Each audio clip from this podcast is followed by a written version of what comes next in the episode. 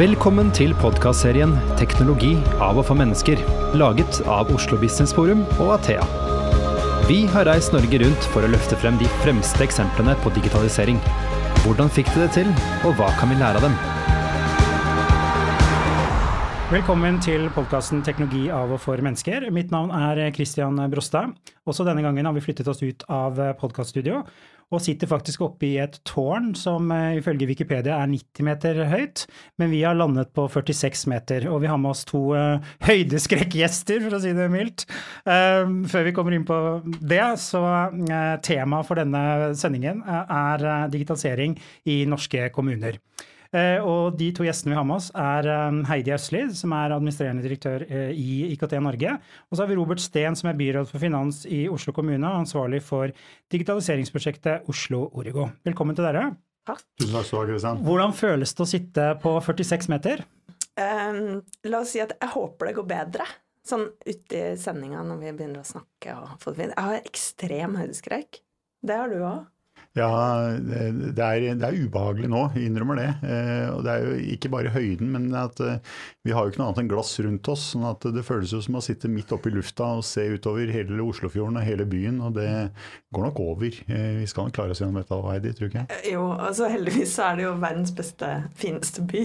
vi ja. se på. Så, så, skulle, så, skulle det gå gærent, så har vi liksom funnet en riktig sted å gå gærent på. Da har vi lydopptak, i hvert fall. Nei da.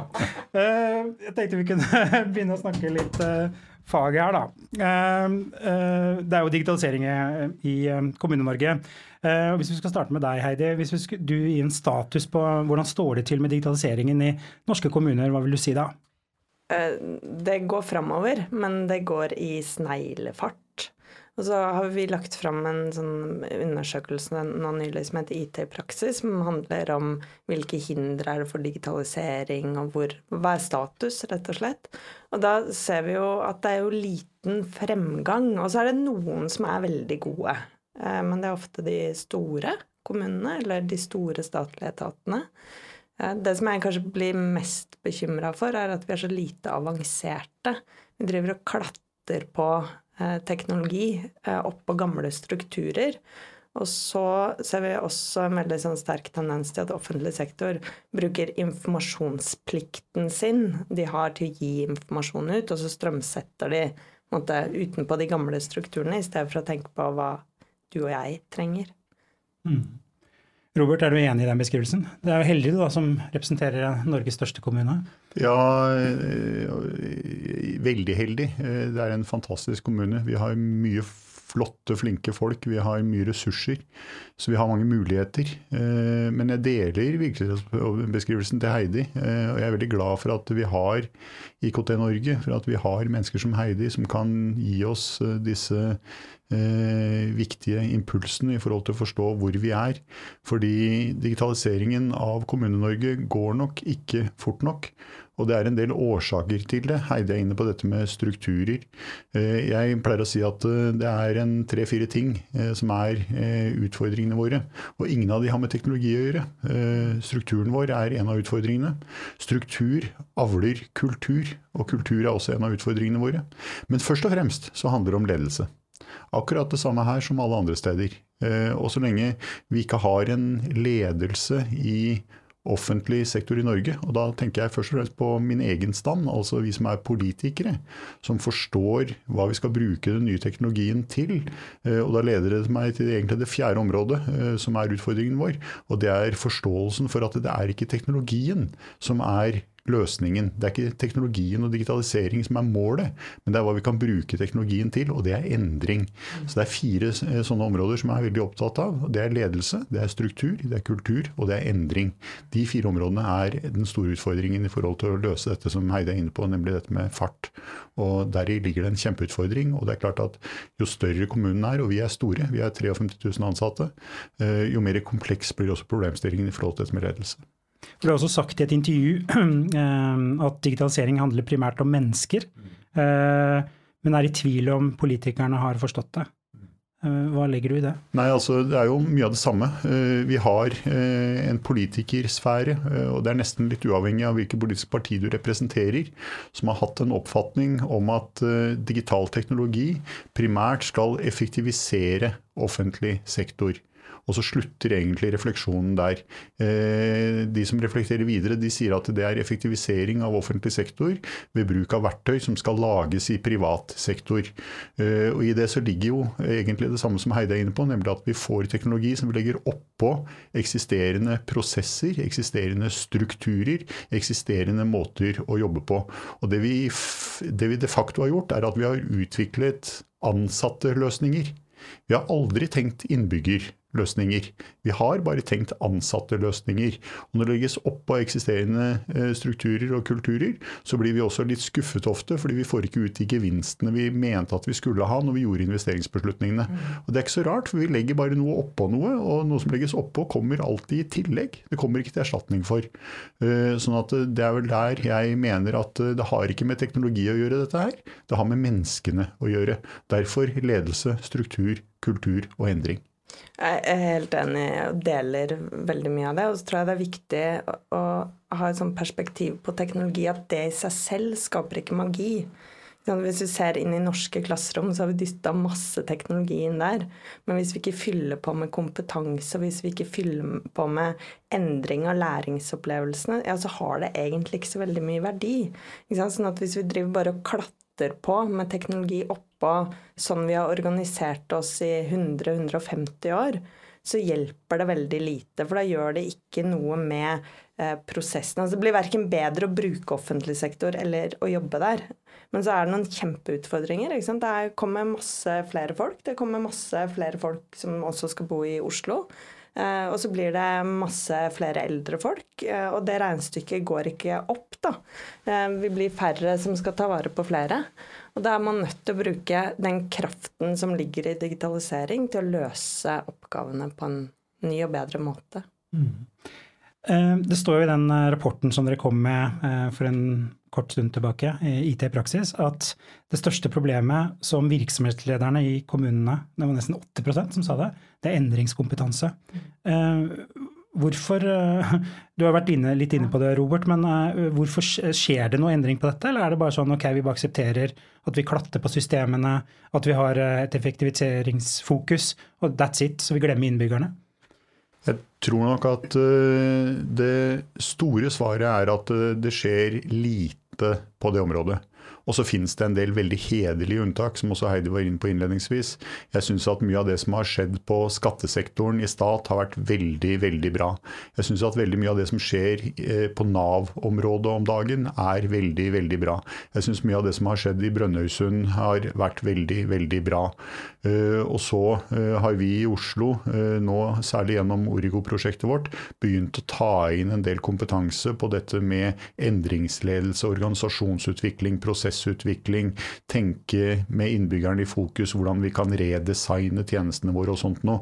Eh, vi ser litt av det samme i de store kommunene som Bærum, Stavanger, Bergen. Så det begynner å bevege seg nå. Eh, men det store bildet er nok at dette skjer altfor liten utstrekning i offentlig sektor.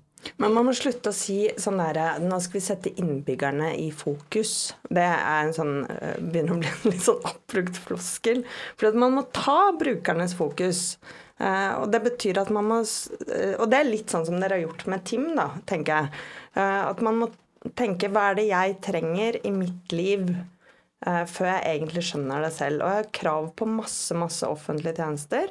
men det vi ser gjennom IT-praksis nå også, er jo at tilfredsheten av opplevelsen med offentlige digitale tjenester, den er litt dalende. Fordi at ansvaret ligger hos deg og meg. Jeg må forstå kompleksiteten. Jeg må finne ut av hvilken etat det er som eh, løser diverse oppgaver, og selv oppsøke det. I stedet for at man bruker all den informasjonen man har om meg. Og så tilpasser man der jeg er i mitt liv, da. Eller det man kan kalle push-tjenester.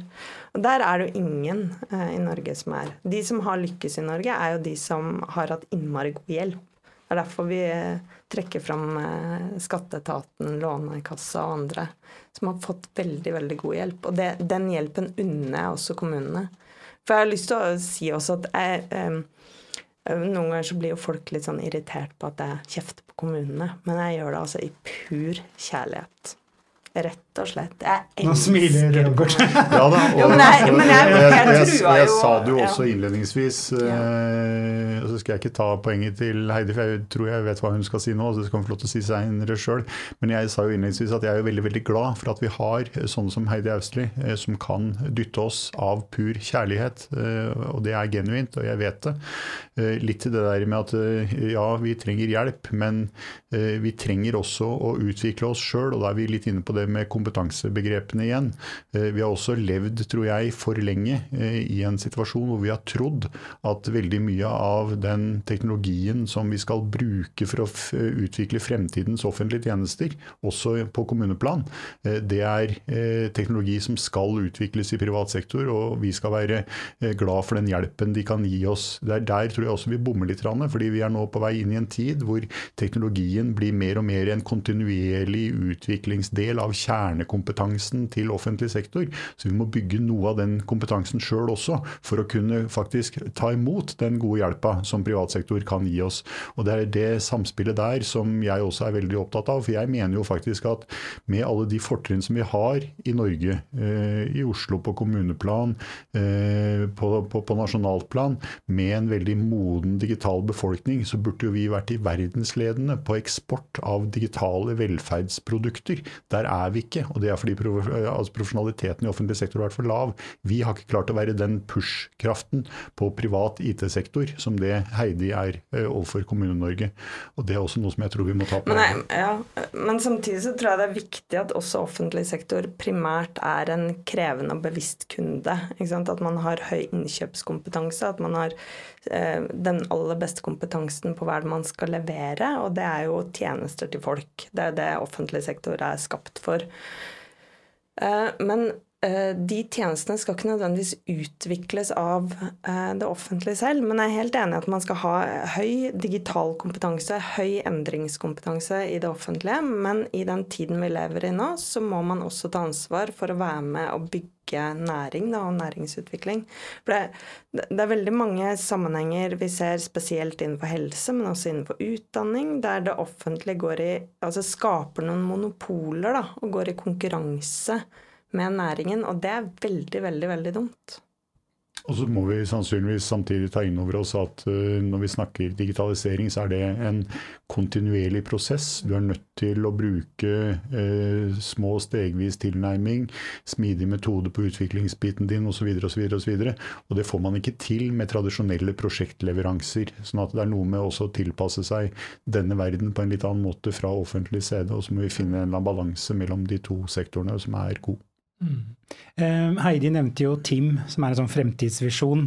Eh, og for de lytterne våre som ikke har hørt om TIM, kunne du ikke sagt litt om eh, hvorfor dere har skapt TIM? Jo, det kan jeg godt gjøre. Eh, jeg, jeg, har jo ikke vært politiker i hele mitt liv. Eh, jeg har vært politiker siden 21.10.2015 klokka 10. Jeg er en av de få politikere som vet klokkeslettet for når jeg ble politiker. Eh, og så kan jeg ikke skjule alderen min, så jeg har jo drevet med ting før jeg ble politiker. For 19 år siden, pluss noen få måneder, så var jeg med å lansere finn.no her i Norge. Og så jobbet jeg i 15 år i Schibsted-konsernet med digitale markedsplasser rundt omkring i hele verden. Og jeg har nok mye av tenk, min tenkning og min, min, min, inngang i forhold til digitaliseringen av kommunen Oslo kommer nok med de brillene. Rett etter at jeg var blitt politiker, så traff jeg da en tidligere kollega av meg fra Finn og Schibsted-tiden, og hun hadde nettopp blitt mor. Og så spør hun meg Det er én ting du må forklare meg nå, Robert, nå som du har blitt politiker i Oslo. Og det er hvorfor må jeg søke om barnehageplass til sønnen min? Og så var jeg ganske stolt over at vi hadde vunnet et valg fordi vi skulle bygge 3000 nye barnehageplasser på fire år i denne byen. Så jeg sa at det er jo fordi at vi er så innmari flinke til å bygge barnehageplasser, så nå får du plass til sønnen din i barnehage hos oss. Og så ser hun på meg med litt sånn triste øyne, og så rister hun på hodet og så sier at nå skjønner du ikke hva jeg mener. Det har hun ofte sagt gjennom vårt eh, samliv.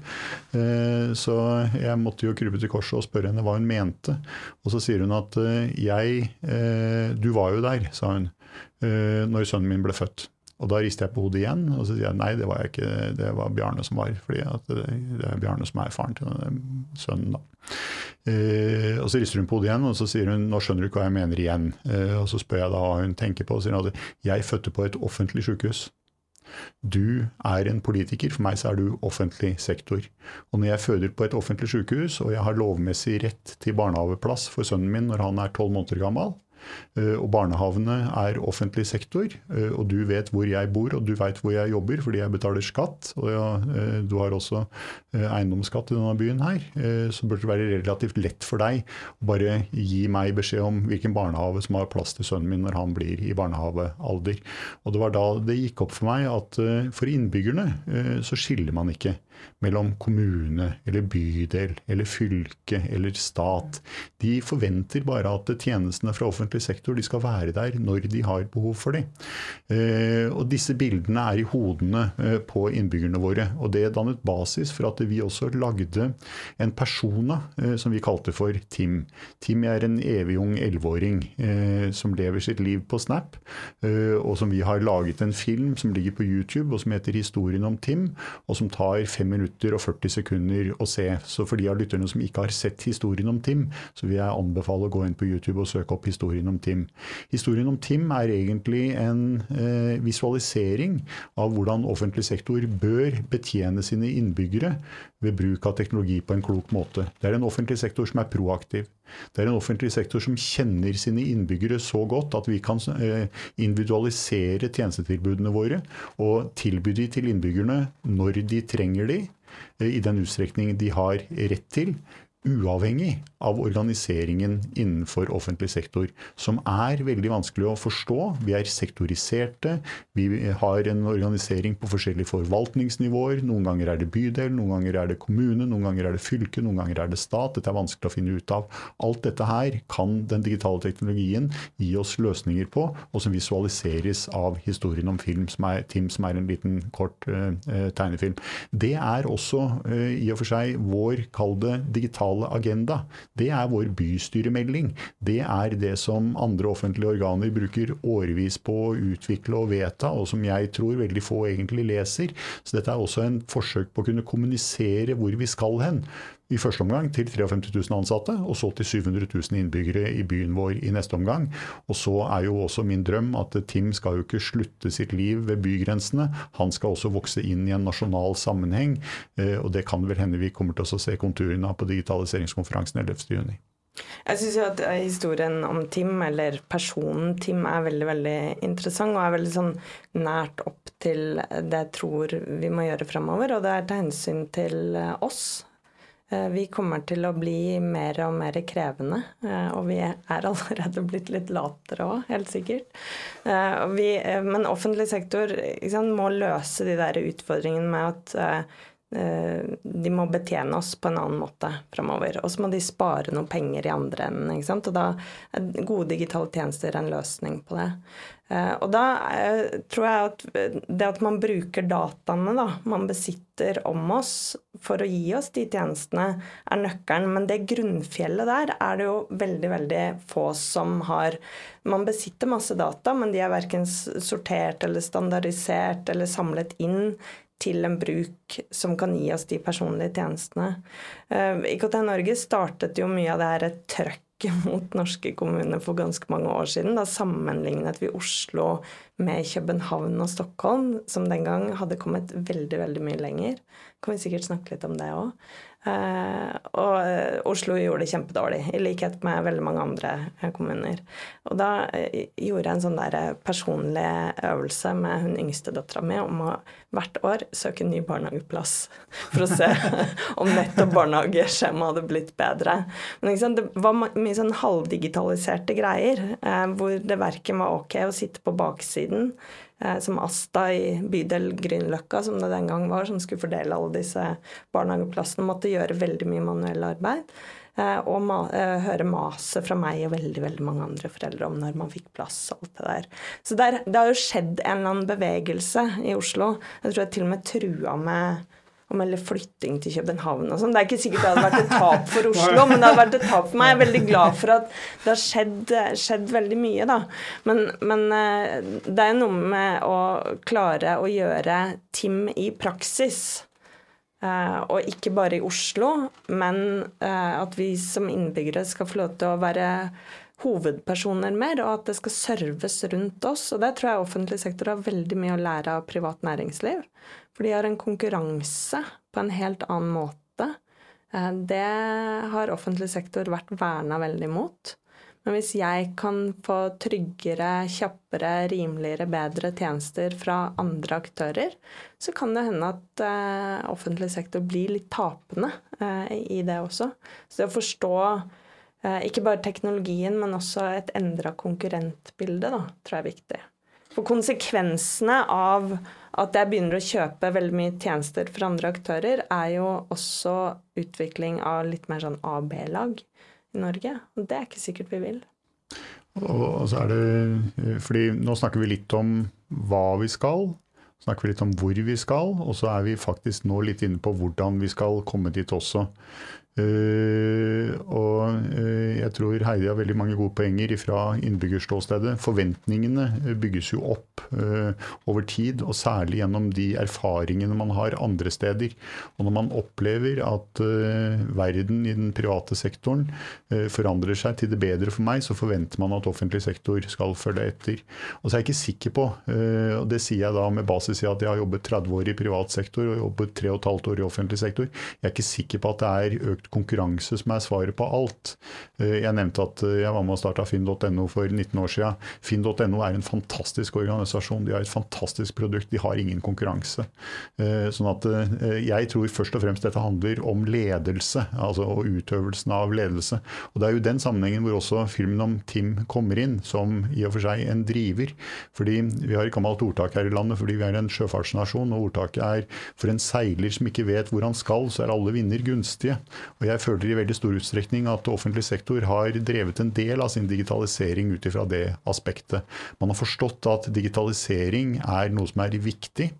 Man har kjempet for å få gjennomslag for allokering av budsjettmidler og penger. Og så har man gått i avisa og skrytt av at nå har jeg klart å få allokert 100 millioner kroner til velferdsteknologi. Og der stopper i og for seg jobben. Eh, kanskje man til og med klarer å bruke de 100 millionene, og så blir noen pilledispensere liggende på et lager et eller annet sted. Og det er jo mangelfull ledelse som gir denne type uh, bilder. Derfor så har vi lagd denne lille historien om Tim som et veldig klart bilde av hvor vi i politisk ledelse i Oslo ønsker at Oslo kommune skal gå. Nå vet organisasjonen vår hvor vi skal. Og vi har en viss formening om hvor vi er. Og så må vi overlate til de kompetente kreftene å finne veien dit. En av de eksemplene som vi nå allerede har rullet ut, er det vi kaller for PIM for TIM. Vi elsker trebokstavsforkortelser i Oslo kommune. PIM står for personifisert individuell melding. Eh, Ordentlig offentlig språk. Ja, da, ja, da, ja da. Fordi, fordi, vi har også eh, fordi I denne filmen så får Tim eh, tildelt barnehageplass, eh, sågar før han er født.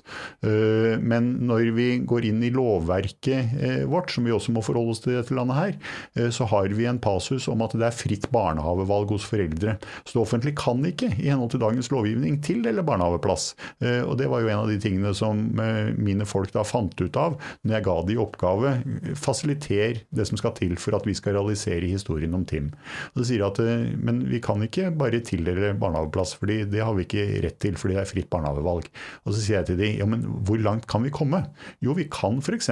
sende en melding til alle som fødte barn i Oslo tre måneder etter at barnet er født, med informasjon om hvilke barnehager som ligger i nærheten av der du bor, og med ferdigutfylte søknader, slik at det eneste de behøver å gjøre, er å trykke på send-knappen. Så det gjør vi.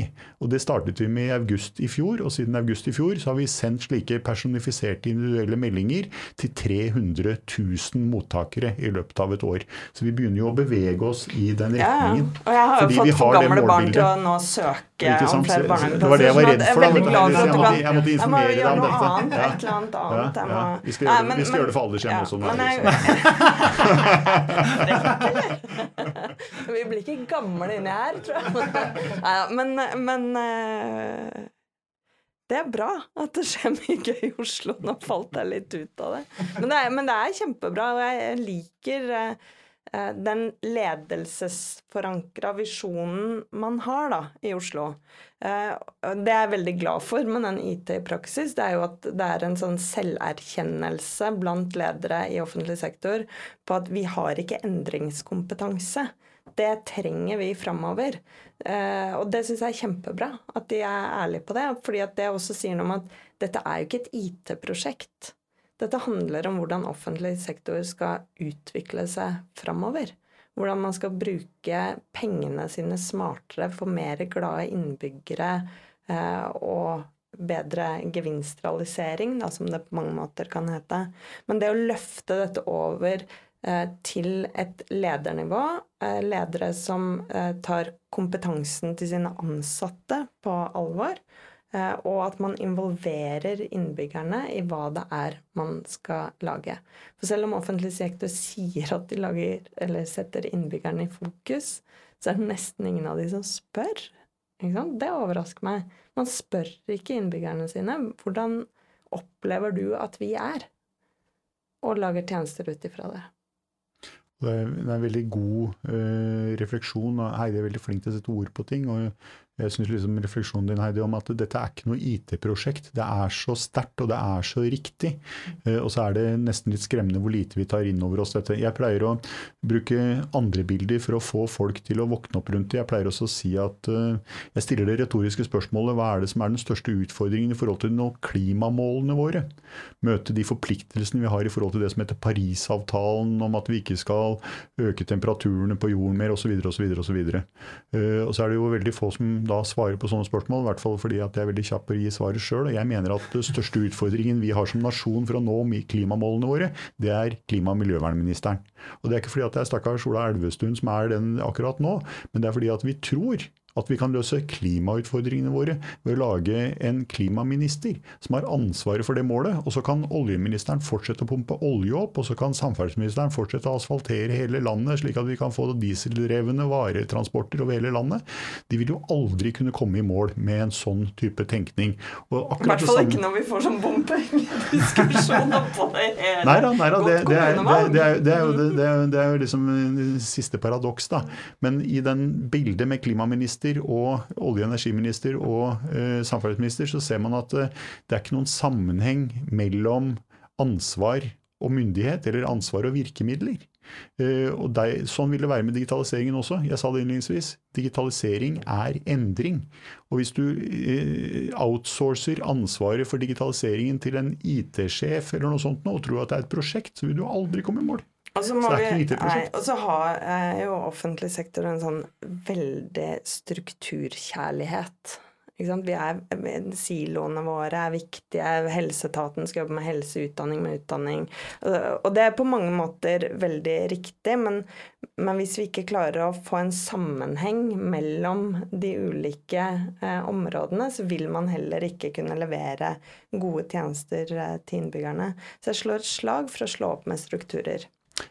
Jo, og det, det, handler jo ikke bare om offentlig sektor. Eh, jeg kommer jo som sagt fra Schibsted-konsernet. Finn er liksom et, et, biprodukt av gamle Aftenposten. Eh, det var ikke noe mindre strukturer eller siloer eller noe sånt i de gamle avisorganisasjonene. Dette er jo egentlig bare arven etter den industrielle revolusjon. Dette er troen på at små spesialenheter kan masseprodusere mye mer effektivt enn andre.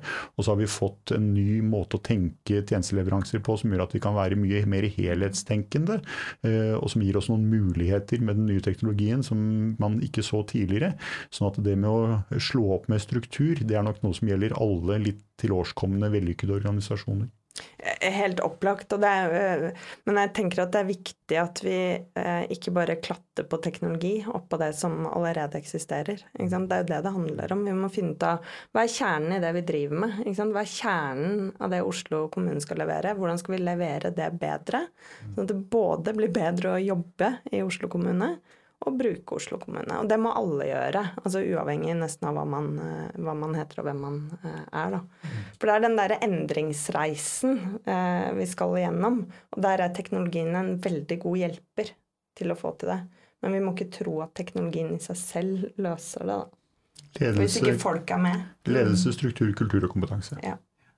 Uh, ja, uh, gi meg ikke med Tim, da. uh, han har jo levd en stund på er det Snapchat og YouTube. hvis du, Robert, skulle snakke litt om hva er du er stolt av å ha fått til på digitalisering i Oslo kommune, som er i tråd med den visjonen, da. Hva vil du ha trukket fram da? Det er jo, Jeg var litt inne på det tidligere. Her kan man være For det første så mener jeg jo at historien om Tim, den filmatiserte biten, som nå har kommet i flere versjoner, Eh, Tim fikk dessverre kreft her for noen uh, tid tilbake siden. Slik at det finnes en film som heter 'Tim blir syk', som vi lagde sammen med Kreftforeningen. Uh, Bodø kommune har laget uh, sin versjon av historien om Tim. Det betyr at det finnes en Tim som snakker nordnorsk. Eh, Vestre Jøtaland Len har gjort det, så det finnes en svensk Tim. sånn at eh, dette er i ferd med å spre seg som målbilde. Globalt.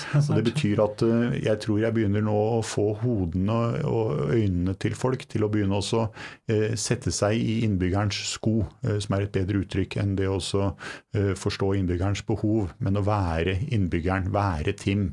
Vi har en sjef for kollektivtransportsystemet vårt her i Oslo, Ruter, som jo også er en del av offentlig forvaltning og, og kommunen, eh, og som jeg opplever er også veldig fremoverlent og gode på disse områdene.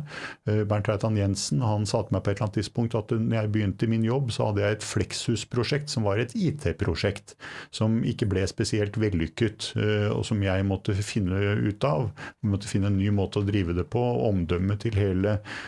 Ruter den gangen var på vei ordentlig ned. Eh, og så sier han, så våkna jeg en morgen, og så slo det meg at det, det er ikke så veldig mange mennesker i denne byen som våkner nå og så sier de, nå gleder jeg meg fordi at jeg skal ut og kjøpe billett. Men vi var veldig, vi var veldig opptatt av å produsere billetter. Eh, og så eh, danna det grunnlag for en litt mer spennende diskusjon i ledergruppa i Ruter om hvorfor er vi til, egentlig? Er vi til for å selge billetter? Sannsynligvis ikke. Så du må lage noen sånne enkle bilder for det. Historien om Tim er det. Nå ga i og for seg den historien, siden vi nå har litt tid og prater sammen, Christian, ga jo det også en annen opplevelse hos Bernt som han sliter litt mer med. For han fikk for seg at jeg driver jo egentlig en forretningsidé som eh, egentlig ikke er liv laga. Jeg tvinger folk til å gå til et sted som de ikke er for å frakte dem til et sted de ikke skal. Eh, og Det er også en utfordring i forhold til det med kollektivtransport. Så, så alle, de, alle, alle, disse tingene gjør at eh, ledelsen, organisasjonens eh, medlemmer, de ansatte, de får andre og kanskje riktigere bilder på hvorfor de er til.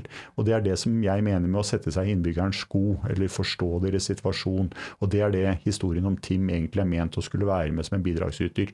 Så er det ut av det kommet en del fordi det er et målbilde. Eh, og jeg tror, en, jeg tror, det er en, god visualisering av et målbilde.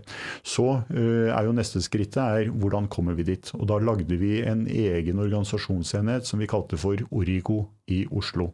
Eh, det er en organisasjonsenhet hvor vi har fått inn en del mennesker med litt annerledes kompetanse, med litt annerledes erfaring, med litt annerledes bakgrunn enn det vi tradisjonelt har rekruttert til Oslo kommune. Dette her er mennesker med teknisk bakgrunn, dette er mennesker med designbakgrunn, dette er mennesker med arkitekturforståelse, men det er også mennesker som har organisasjonsutviklingsmessig forståelse og erfaring. Dette er mennesker som har eh, forståelse for å bygge opp og designe nye måter å drive eh, tjenesteproduksjon på. Dette er mennesker som kommer med bakgrunn og erfaring fra typisk NRK Skipsted, Telia, Telenor osv. osv. Her har vi bygget et miljø som da har egentlig bare fått én oppgave, og det er å fasilitere realiseringen av visjonen om historien om Tim. Og disse menneskene begynner jo nå å produsere produkter som er små steg i retningen fra der hvor vi er i dag, til den virkeligheten som denne filmen om Tim beskriver. Og Ut av det så har f.eks. disse proaktive, individuelle meldingene kommet. Men ut av dette har også Oslo-nøkkelen nøkkelen kommet, som er en digital nøkkel som i, eh, på sikt vil kunne låse opp eller gi tilgang til alle kommunale steder og ø, tjenester. Vi startet med gjenbruksstasjonene våre, slik at for å kunne komme inn på gjenbruksstasjoner nå, så bruker du den digitale Oslo-nøkkelen. Vi har også brukt den på en del bydelslokaler. Skal du låne eller bruke Lindeberg-lokalet på Lindeberg senter til f.eks. en bursdagsfeiring, så kommer du inn med Oslo Oslo-nøkkelen. Neste uke så begynner vi å bruke Oslo-nøkkelen også på bibliotekene våre. Eh, så er det neste eh, store området vil være for pårørende i sykehjemmene. Utenom visittid så kommer man inn på sykehjemmene hvis man har adgang til det, gjennom Oslo-nøkkelen. Ser man litt fram i tid, så er det ikke noe veien for at du kommer hjem en torsdagskveld i februar, det har snødd, du er sliten, du har lyst på en skitur, så skrur du på lysene på lysløypa med Oslo-nøkkelen din, fordi det har du tilgang til, fordi det er der du bor, osv. Alt favnes av én digital nøkkel, som da jobber på tvers av sektorene. Eh, og det ville aldri vært mulig. Og det er, liksom, det er første steg eh, på vei eh, mot farvel til struktur, som Heidi etterspurte. Så dette er eksempler på hvordan vi nå driver og jobber med denne visjonen, som er annerledes. Disse tingene er kraftfulle, tror jeg. Er Origo en organisasjon utenfor organisasjonen?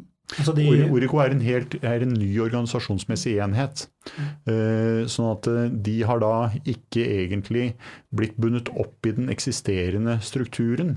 Fordi de skal ha som oppgave å jobbe på tvers av eller på tross av den eksisterende strukturen. Og da måtte de få en fristilling i forhold til den eksisterende kulturen og strukturen. Eh, fordi de skal da komme med noe nytt. Så det er liksom tenkningen bak det. Men dere gjør en jobb i forhold til den eksisterende strukturen nå?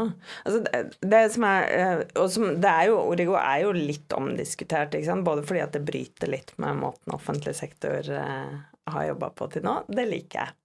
Eh, det jeg syns eh, er skummelt, er hvis Origo skal utvikle i konkurranse med andre. I Oslo så finnes det en haug av uh, IT-selskaper, oppstartsselskaper, masse innovasjon som skjer utenfor.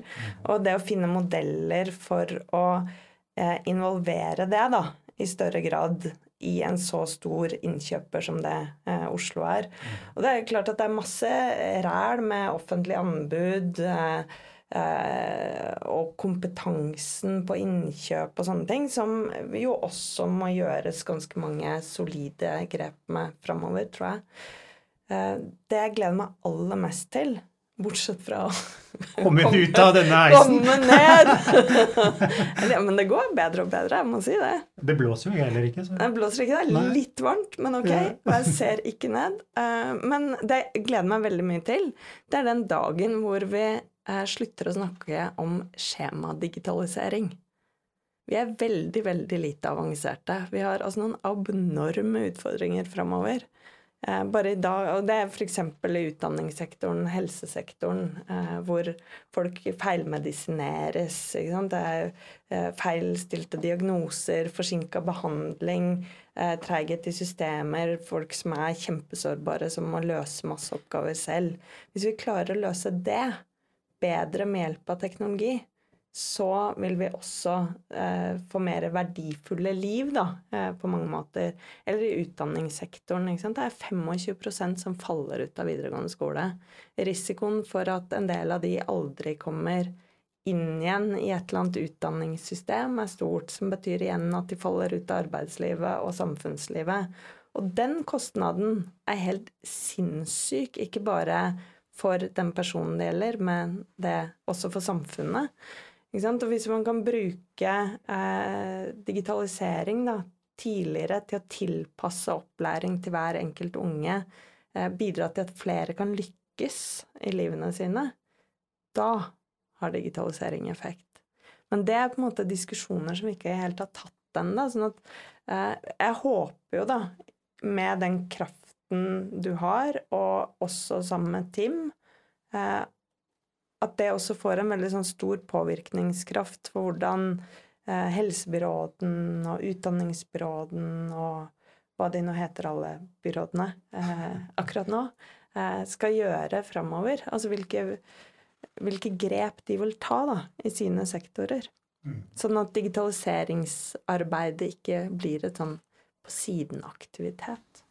Og jeg, og jeg, tror jo, eh, for å ta tak i det du sier, eh, Heidi, og særlig innledningsvis, jeg tror jo at eh, Origo kommer til å være fasilitatoren for det. Fordi at jeg tror at det du søker, og det du ser etter, og det du ønsker deg, det er det som jeg kaller for samskapning. Jeg tror ikke genuint at du ønsker deg en eh, bestiller-utfører, en leverandør-kunde-modell. Du ønsker deg innovasjon, og innovasjon kommer primært gjennom en samskapning mellom fagmiljøer og domenekunnskapsrike mennesker.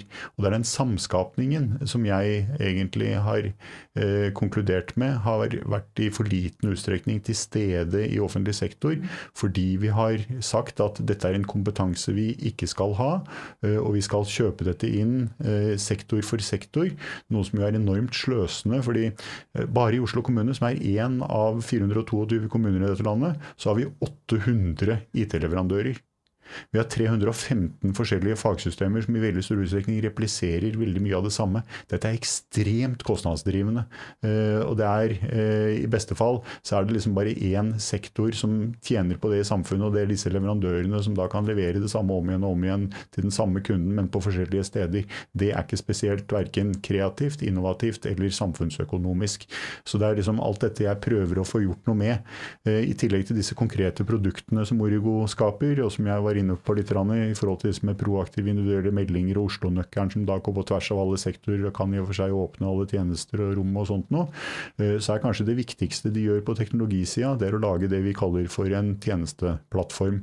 Tjenesteplattformen består av en del komponenter. Eh, en av disse komponentene er en utviklerportal som sier noe om hva slags API-er, hva slags standarder, hvordan skal liksom alt som har med teknologi i Oslo kommune være. Det skal være en åpen utviklerportal som er tilgjengelig for alle. Og det er den som egentlig skal være døren inn for små, mellomstore, kanskje også store IT-leverandører til kommunen. En av mine bekymringer i forhold til leverandørstrukturen til Oslo kommune er at eh, det finnes jo nesten ingen småaktører som kan eller jobber med Oslo kommune. Alle de leverandørene vi har, er de store, ofte internasjonale selskapene. For det er de eneste som kan tilfredsstille den strukturen som vi har bygget opp i samvirke mellom IT-industrien og offentlig sektor. Jeg kunne tenkt meg at alle alle de fantastiske, kreative småmiljøene innenfor IT-sektoren eh, som er i denne byen vår, og kanskje også i landet vårt, hadde fått mye mer muligheter til å kunne utvikle ting sammen med oss. Men da må vi tilrettelegge for samskapning på en helt annen måte. Og det er det som kanskje er den viktigste oppgaven til Origo. Eh, de skal også lage en, eh, en, en dataplattform som gjør at fasiliteringen av flyt av informasjon og kunnskap og data i kommunen skal kunne tilrettelegges legges på en helt annen måte enn det som vi har levd med siden midten av 80-tallet, hvor vi rett og slett lever med innestengte systemer. Vi har eh, fagsystemer som er bygget opp med to formål for øye, og det er kontroll og dokumentasjon. Systemene våre er ikke bygget opp eh, for oss å kunne utveksle data og kunnskap på tvers av systemer eller miljøer eller sektorer eller etater.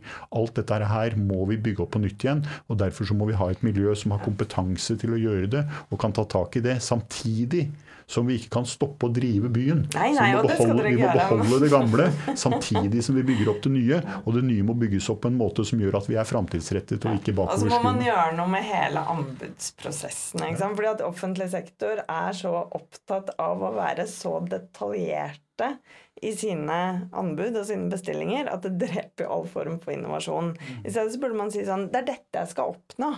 Dette er det ønska målet mitt. Hvordan kommer vi oss best mulig eh, dit? For det, måten dette er rigga på i dag, gjør jo at det er veldig få aktører eh, fra Eller som ønsker og velger å levere inn på anbud. Kjempefå. Og så blir det så regelryttersk, og så er det ofte pris som til syvende og sist eh, trumfer. Og da går man glipp av den gode sikkerheten. Kan man i hvert fall gjøre. Eh, de gode, kreative og innovative løsningene osv. osv. Og så tror jeg det er viktig at man eh, er åpen for å se på hvordan man organiserer ting i tillegg. Det finnes jo masse fantastiske Oslo-baserte bitte små IT-selskaper som er med på å utfordre måten det offentlige også er organisert på. Et eksempel på det er Nyby, som vi begge Eh, har eh, vært hos og blitt kjent med. Eh, og nettopp hvis man kan være med og stimulere til at de kan få en plass, i tillegg til at det offentlige selv også innoverer på måten man organiserer på, så tror jeg man Altså, vi har verdens beste muligheter mm. i det landet her. Vi må ikke liksom glemme det heller. Mm. Eh, og så skal jeg gi deg et tips. og det er altså innfør tabbebonus for de Hvor mange ansatte hadde 53 000? Mm. Eller var det 35 000? Nei, altså det er 53. Det er 53 000. Så vi er større enn din ja. organisasjon. Ja, vi er det. Nei, dere er det. men, men, det gjorde de i København. For å være med og få folk til å ta større risiko i København kommune, så innførte de altså tabbebonus for de ansatte. Ekstra store tabber ble premiert. Og de klarte jo mirakler på veldig veldig kort tid. Mm. Eh, og jeg er helt enig. Eh, la meg ta et par ting. For det første eh, så tror jeg du har helt rett i ditt resonnement igjen, Heidi. Jeg er jo veldig pro både IKT Norge og, og deg. Jeg syns du tenker veldig riktig. Men ser du at det du nå sier, det løses ikke med at vi bygger opp enda sterkere bestillerkompetanse? Det er jo ikke bestillerkompetansen i offentlig sektor som vi trenger mer mm. styrke på. Det vi trenger, det er samspillskompetanse. Mm. Hvordan skal vi kunne samspille med eh, små og mellomstore eh, organisasjoner? Fordi det er omtrent ikke eh, tilstedeværende. Og det er den kompetansen som vi må bygge inn i vår organisasjon. Jeg tror ikke du kan samspille med små leverandører i den digitale industrien uten å ha en grunnlag på digital kompetanse sjøl. Eh, sånn at eh, Hvis vi sier at offentlig sektor trenger mer bestillerkompetanse, så er det egentlig bare et forsøk på å fortsette som før. Nemlig at vi blir enda flinkere til å bestille mer av de store leverandørene. Jeg tror egentlig innerst inne at vi begge Men det er ikke feil med de store leverandørene ja, heller. Altså, du trenger både de store og de små, de store og de små ikke. Men, men pro problemet i dag er at det er bare de store leverandørene som de facto er leverandører til offentlig sektor. Uh, og det holder nok veldig mye kreativitet og innovasjon eh, ute. Jeg har sett på en del av eh, fagsystemene våre som nå må erstattes. Og jeg ser de spekkene som kommer opp fra fagavdelingene. Det gir litt fornyelse. Det gir ikke transformasjon. Det gir ikke veldig mye eh, innovasjon. Og sannsynligvis er det bare én leverandør som kan levere til det. Det gir heller ikke konkurranse eller, eller, eller det vi egentlig ønsker oss. Og det er det jeg ønsker å forandre i Oslo, og ønsker å få til. Derfor så gjør jeg da oppbyggingen samarbeide om. ikke sant? Det tror jeg er viktig at vi gjør. For det, i Norge så har vi jo et veldig sånn Offentlig sektor har jo et anspent forhold til privat sektor mm. i veldig mange sammenhenger. Og det er jo en sånn fryktkultur for å for å gjøre feil. Og Da kommer kom vi, til, kom vi til den andre biten som har med det med kultur å gjøre. fordi jeg er, veldig, eh, jeg er veldig sterk i min oppfatning om at kultur kommer som en konsekvens av struktur. Og når strukturen vår er siloer, det er ansvarliggjøring, eh, så blir også kulturen Den blir eh, kontroll, og den blir frykt for å gjøre feil. Og det er ikke minst vi politikere ansvarlige for, fordi det er politikerne som sitter på toppen av disse systemene. Det er de som blir holdt til ansvar hvis det er noe som går galt. Og da blir de også veldig risikoaverse. Og når man i tillegg da har en medieindustri som elsker å skrive om alt det som går gærent i offentlig sektor, så understøtter det en kulturutvikling i en gal retning. Eh, dette må vi få eh, en eller annen måte å bryte ned. Eh, og jeg skal være den første til å innrømme at selv om mitt parti, Arbeiderpartiet, var veldig på Høyre fordi denne Flexus-greiene gikk gærent, så tror jeg at det at Flexus gikk gærent for Ruter i sin tid, det var grunnlaget for at vi nå har en av de mest foroverlente kollektivselskapene i verden i Ruter. Så det er et godt eksempel på det at tillate seg å feile bringer noe veldig godt ut i den andre enden. Så der må vi prøve å hjelpe oss eh, hverandre. Ja, men, men det der enorme fokus på hva som går gærent, det er jo ikke noe bra verken for digitale næringer eller offentlig sektor eh, heller. Og så finnes det heldigvis veldig, veldig mange gode eksempler på folk som og eh, arbeidsplasser da, som har gjort eh, mange, mange gode endringsreiser. Og de må vi jo ta litt felles ansvar for å være med å eh, få lov til å skinne litt. Da. For det mm. ligger mye lærdom i det, eh, også for andre. Og så tenker jeg jo liksom at eh, når jeg nå tross alt sitter her som representant for byrådet i Oslo, vi har jo vært litt gærne de siste åra. Vi har jo liksom eh, Vi innfører 53 nye bommer to måneder før et kommunevalg. Vi innfører beboerparkering i bydeler. Vi maler gater som før bilene kjørte i med prikker som går bort i regneværet. Altså, vi har jo fått mye, mye gærent vi har holdt på med. da. Keep up! Bilfritt, bilfritt byliv og plantekasser og altså, Det er jo ikke Ja, det at det det, er mangler kjempe- med, risikoprosjekter Nei, nei, i dette men- byrådet. Men hvis du i tillegg da kan Kjør på med den tabbebonusen, da. Tenk hvor mange velgere du får Jo, ja, men, det, Men jeg det, mener får, det det, helt seriøst. det får vi jo sjekka da, nå 9.9., for da er det valg. Så da får vi se om vi får tabbebonus. da. Ja. Dette er i byrådet vårt. Jo, men jeg tror det, det er et eller annet med å skape en kultur hvor det er lov til å feile.